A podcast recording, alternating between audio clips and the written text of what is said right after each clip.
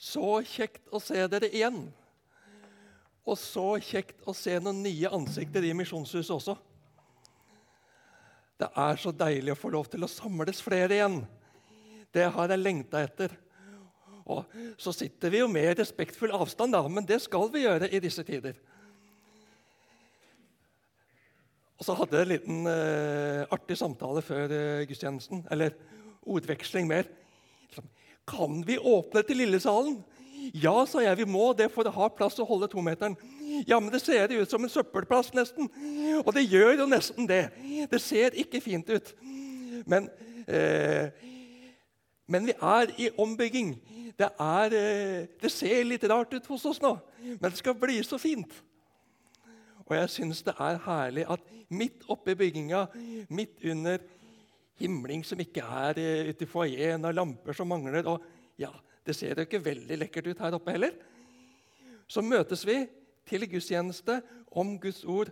Vi tar ikke ferie fra det. Det er mulig å samles, det ser vi jo, og da gjør vi det.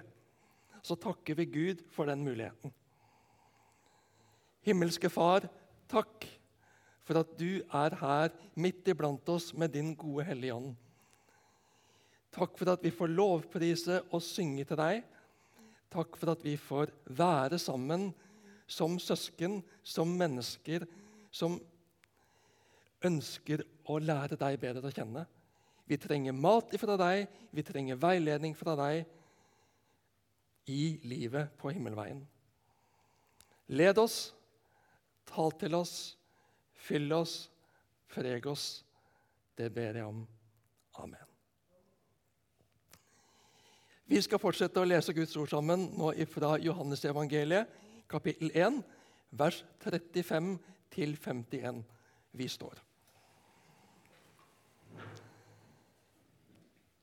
Dagen etter sto Johannes der igjen sammen med to av disiplene sine. Da Jesus kom gående, så Johannes på ham og sa, 'Se Guds lam.' De, de to disiplene hørte hva han sa, og fulgte etter Jesus. Jesus snudde seg og så at de fulgte ham, og han sa, 'Hva leter dere etter?' De svarte, 'Rabbi, hvor bor du?' Rabbi betyr lærer. 'Kom og se', sa Jesus. De gikk da med ham og så hvor han bodde, og de ble hos ham den dagen. Det var omkring den tiende time. Andreas, Simon Peters bror, var en av de to som hadde hørt det Johannes sa, og som hadde fulgt etter Jesus. Han fant nå først sin bror Simon og sa til ham, 'Vi har funnet Messias.' Messias betyr den salvede. Så førte han Simon til Jesus.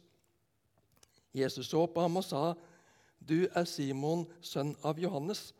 Du skal hete Kefas.' Det er det samme som Peter. Dagen etter ville Jesus dra til Galilea. Da fant han Philip og sa til ham, 'Følg meg.' Philip var fra Betzaida, den byen Peter og Andreas var fra. Philip traff Nathanael og sa til ham, 'Vi har funnet han som Moses har skrevet om i loven, og som også profeten har skrevet om. Det er Jesus fra Nasaret, Josefs sønn.' 'Kan det komme noe godt fra Nasaret?' sa Nathanael. Philip svarte, 'Kom og se.' Jesus så Nathanael komme gående og sa, 'Se, der er en sann israelitt, en som er uten svik. Hvor kjenner du meg fra? spurte Nathanael. Jesus svarte, Jeg så deg før Philip ropte på deg da du satt under fikentreet. Da sa Nathanael, Rabbi, du er Guds sønn, du er Israels konge. Tror du fordi jeg sa jeg så deg under fikentreet? sa Jesus. Du skal få se større ting enn dette. Så sa han, Sannelig, sannelig, jeg sier dere, dere skal se himmelen åpnet og Guds engler gå opp og ned over menneskesønnen. Slik lyder Herrens ord. Vær så god, sitt. Er du typen som liker en engasjert og opphetet debatt? Eller er du av dem som lar mulige kontroversielle temaer ligge for å ikke risikere uenighet og dårlig stemning? Det er spennende å diskutere. Men det kan fort utvikle seg til en setting hvor det lett handler om å vinne debatten. Og da er det ikke sikkert at det er like konstruktivt lenger. Denne bevegelsen som vi nettopp har lest om, disippelbevegelsen rundt Jesus, den startet med en som hadde tillit i gruppen rundt seg, og som hjalp de andre med retning. Derfra fikk de selv oppleve og erfare. Og ut fra disse opplevelsene, møtene og erfaringene så inviterte de flere med for å se selv. Kom og se! Der skal vi også få være. Diskusjoner kan rydde unna noen hangups, noen intellektuelle hindre for å tilnærme seg kristen tro. Men først og fremst så skal vi være ærlige, tilgjengelige mennesker som folk kan ha tillit til. Og gjennom tillit og relasjon kan vi få peke i en retning med ordene våre og med livene våre. Da er vi en del av denne bevegelsen. Da er vi en del av disippelbevegelsen rundt Jesus. Ut fra opplevelser og erfaringer som deles, skapes det en nysgjerrighet. Og vi får invitere til lignende, men individuelle erfaringer med Jesus. For Jesus møter aldri to personer helt likt. Han møter oss slik vi er, der vi er akkurat nå. Det handler ikke om metode. Det handler ikke først og fremst om strategi eller slagplan. Det handler om tillit og relasjon. Og invitasjon til egne erfaringer. Kom og se! For nordmenn i 2021 så kan replikken til døperen Johannes virke noe underlig. tror jeg. Johannes sier til to av sine disipler når Jesus kommer gående, 'Se Guds lam'. Men for dem da så var ikke det underlig. For dem da var det midt inn i forventningene de bar på. Midt inn i den virkelighet de var en del av. Rett inn i deres bildeverden rett inn i deres forventningsverden. Vi har grunn til å tro at fire ulike bilder og historier, inkludert en profeti, aktiveres i deres bevissthet når døperen Johannes sier nettopp disse ordene Se Guds lam.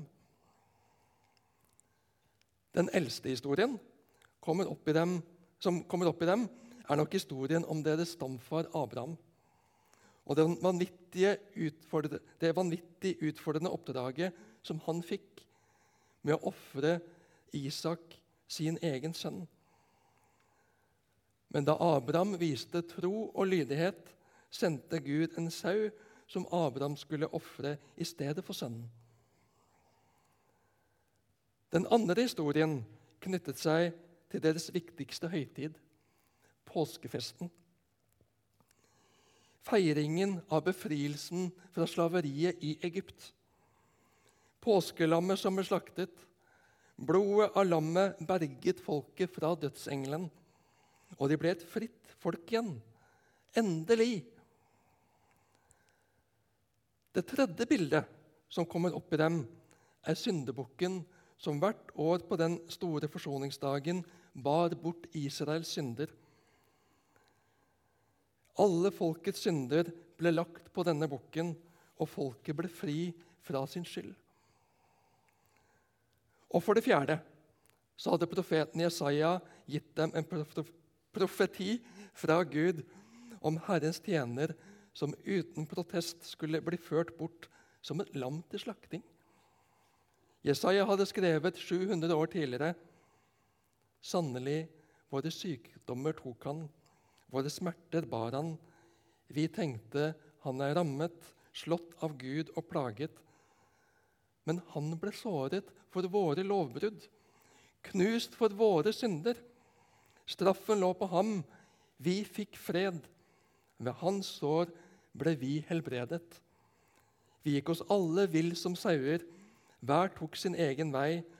Men skylden som vi alle hadde, lot Herren ramme ham. Han ble mishandlet, han ble plaget, og han åpnet ikke munnen. lik et lam som føres bort for å slaktes, lik en sau som tier når den klippes. Se Guds lam. Dette var koden de trengte. Det var et signal som ble forstått. Tre ord som sier enormt mye om hvem det er dere ser komme gående der. Dette er et epokeskifte for dere. Dere har fulgt meg en tid, men det var bare midlertidig. Det var bare en forberedelse til denne dagen. På døperen Johannes sine ord starter en ny etterfølgelse, et nytt disippelforhold. Livar Veggeland talte sist søndag om døperen Johannes sine egne ord rettet mot Jesus. Han skal vokse, jeg skal avta. Disiplene til Johannes hadde tillit til Johannes og lyttet til hans ord. Det ble til etterfølgelse av Jesus. De kjente ham ikke ennå, men ut fra den relasjonen de hadde til Johannes og hans ord om denne Jesus, så var det nok til å ta valget. Til å velge en ny retning, en ny kurs i livet. Og når jeg satt og forberedte meg til denne talen og jobbet med den teksten, så, så måtte jeg sjekke opp en sak. For Jeg stussa da jeg leste vers 38. Jesus snudde seg og så at det fulgte ham, og han sa, 'Hva leter dere etter?' De svarte, 'Rabbi, hvor bor du?' Hallo, hva skal det bety? Hvorfor spurte de om det? Hva slags spørsmål er det å stille? Jeg for min del får assosiasjoner til små barn som blir perplekse når de ikke vet hva de skal si. Derfor spør de bare om det første, så faller dem inn. 'Hvor bor du?' Og De kommentarene jeg hadde tilgjengelig, de hadde ikke så mye forklaring å komme med. de heller. En mente at det var som barna. Helt vanlig nysgjerrighet. Vi har ikke rukket å tenke ut noen kloke spørsmål, men her bruker vi innfallsmetoden. Vi følger etter deg, vår nye rabbi, vår nye mester. Blir det langt å gå, mon tro? Hvor bor du? En annen, litt mer voksen forklaring. At de skjønte at dette er ikke situasjonen å stille alle spørsmål de bar på. Derfor lurte de på hvor de kunne møte opp for å komme med sine spørsmål i ro og mak når han ikke var opptatt. Uansett så forteller dette spørsmålet meg noe veldig fint. Det finnes ingen dumme spørsmål for Jesus. Vi kan komme med alt vi lurer på, til Jesus. Smått og stort, passende og upassende. Jesus tåler det. Jesus tar det på alvor. Jesus tar meg på alvor, samme hvor dårlig jeg er til å formulere meg og tenke ut glupe ting å spørre om. Jesus er ikke en viktig per som jeg skal vokte meg for å oppta tiden til eller være redd for å komme med naiviteter til.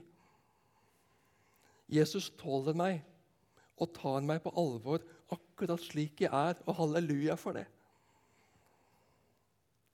Og du og jeg som kaller oss kristne, skal få følge Jesu eksempel i det.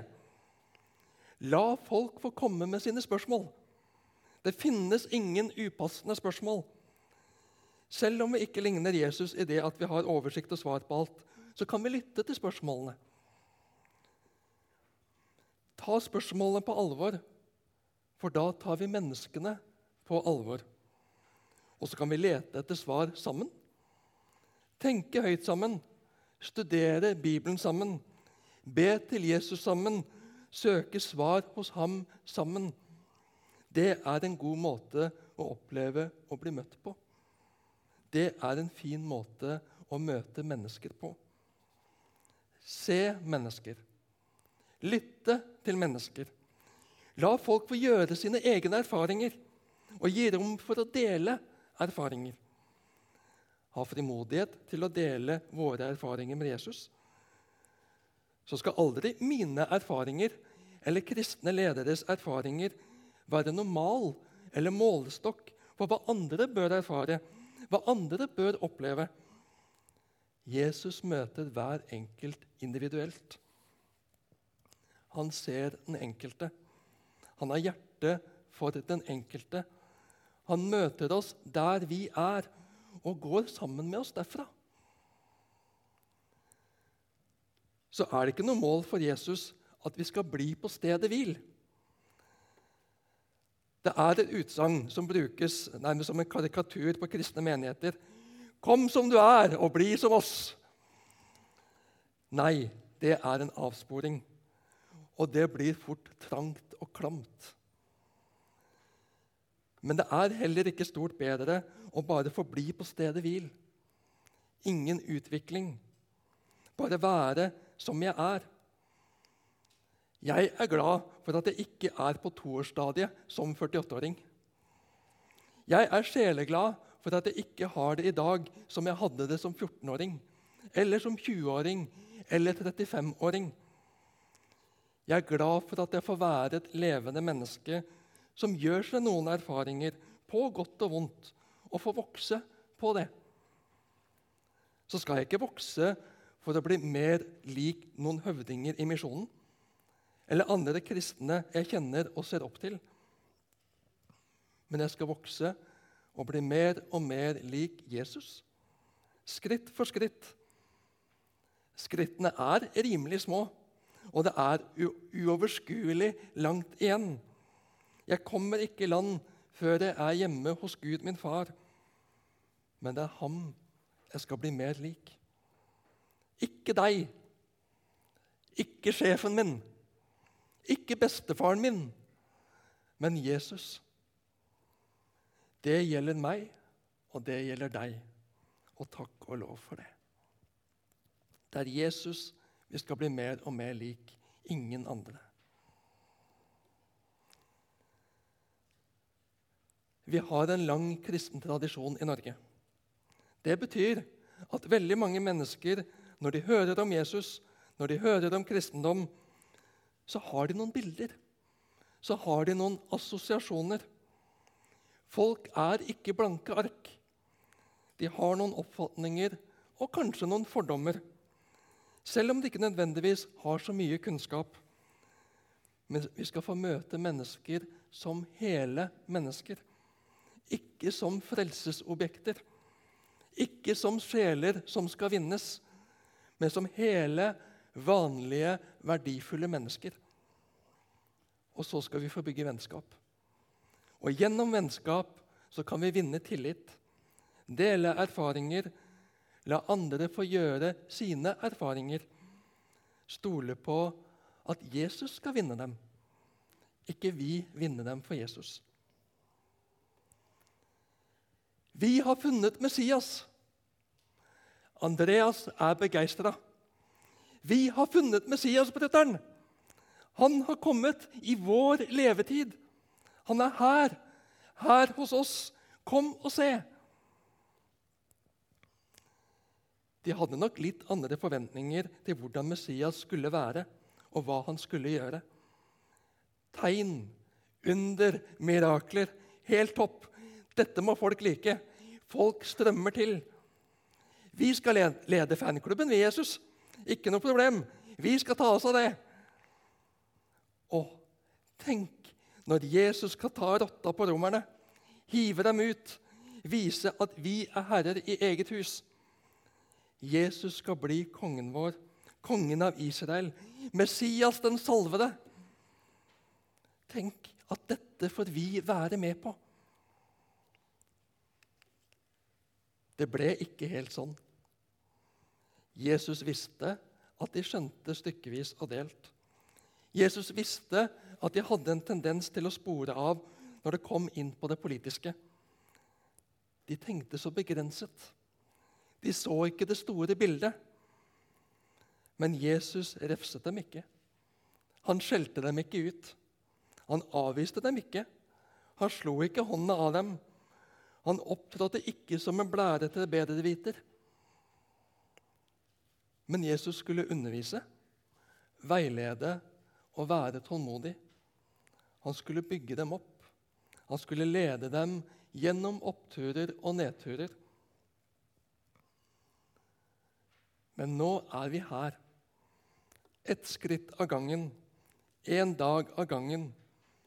Først bygge tillit, Og så er de mottagelige for å få justert virkelighetsbildet etter hvert.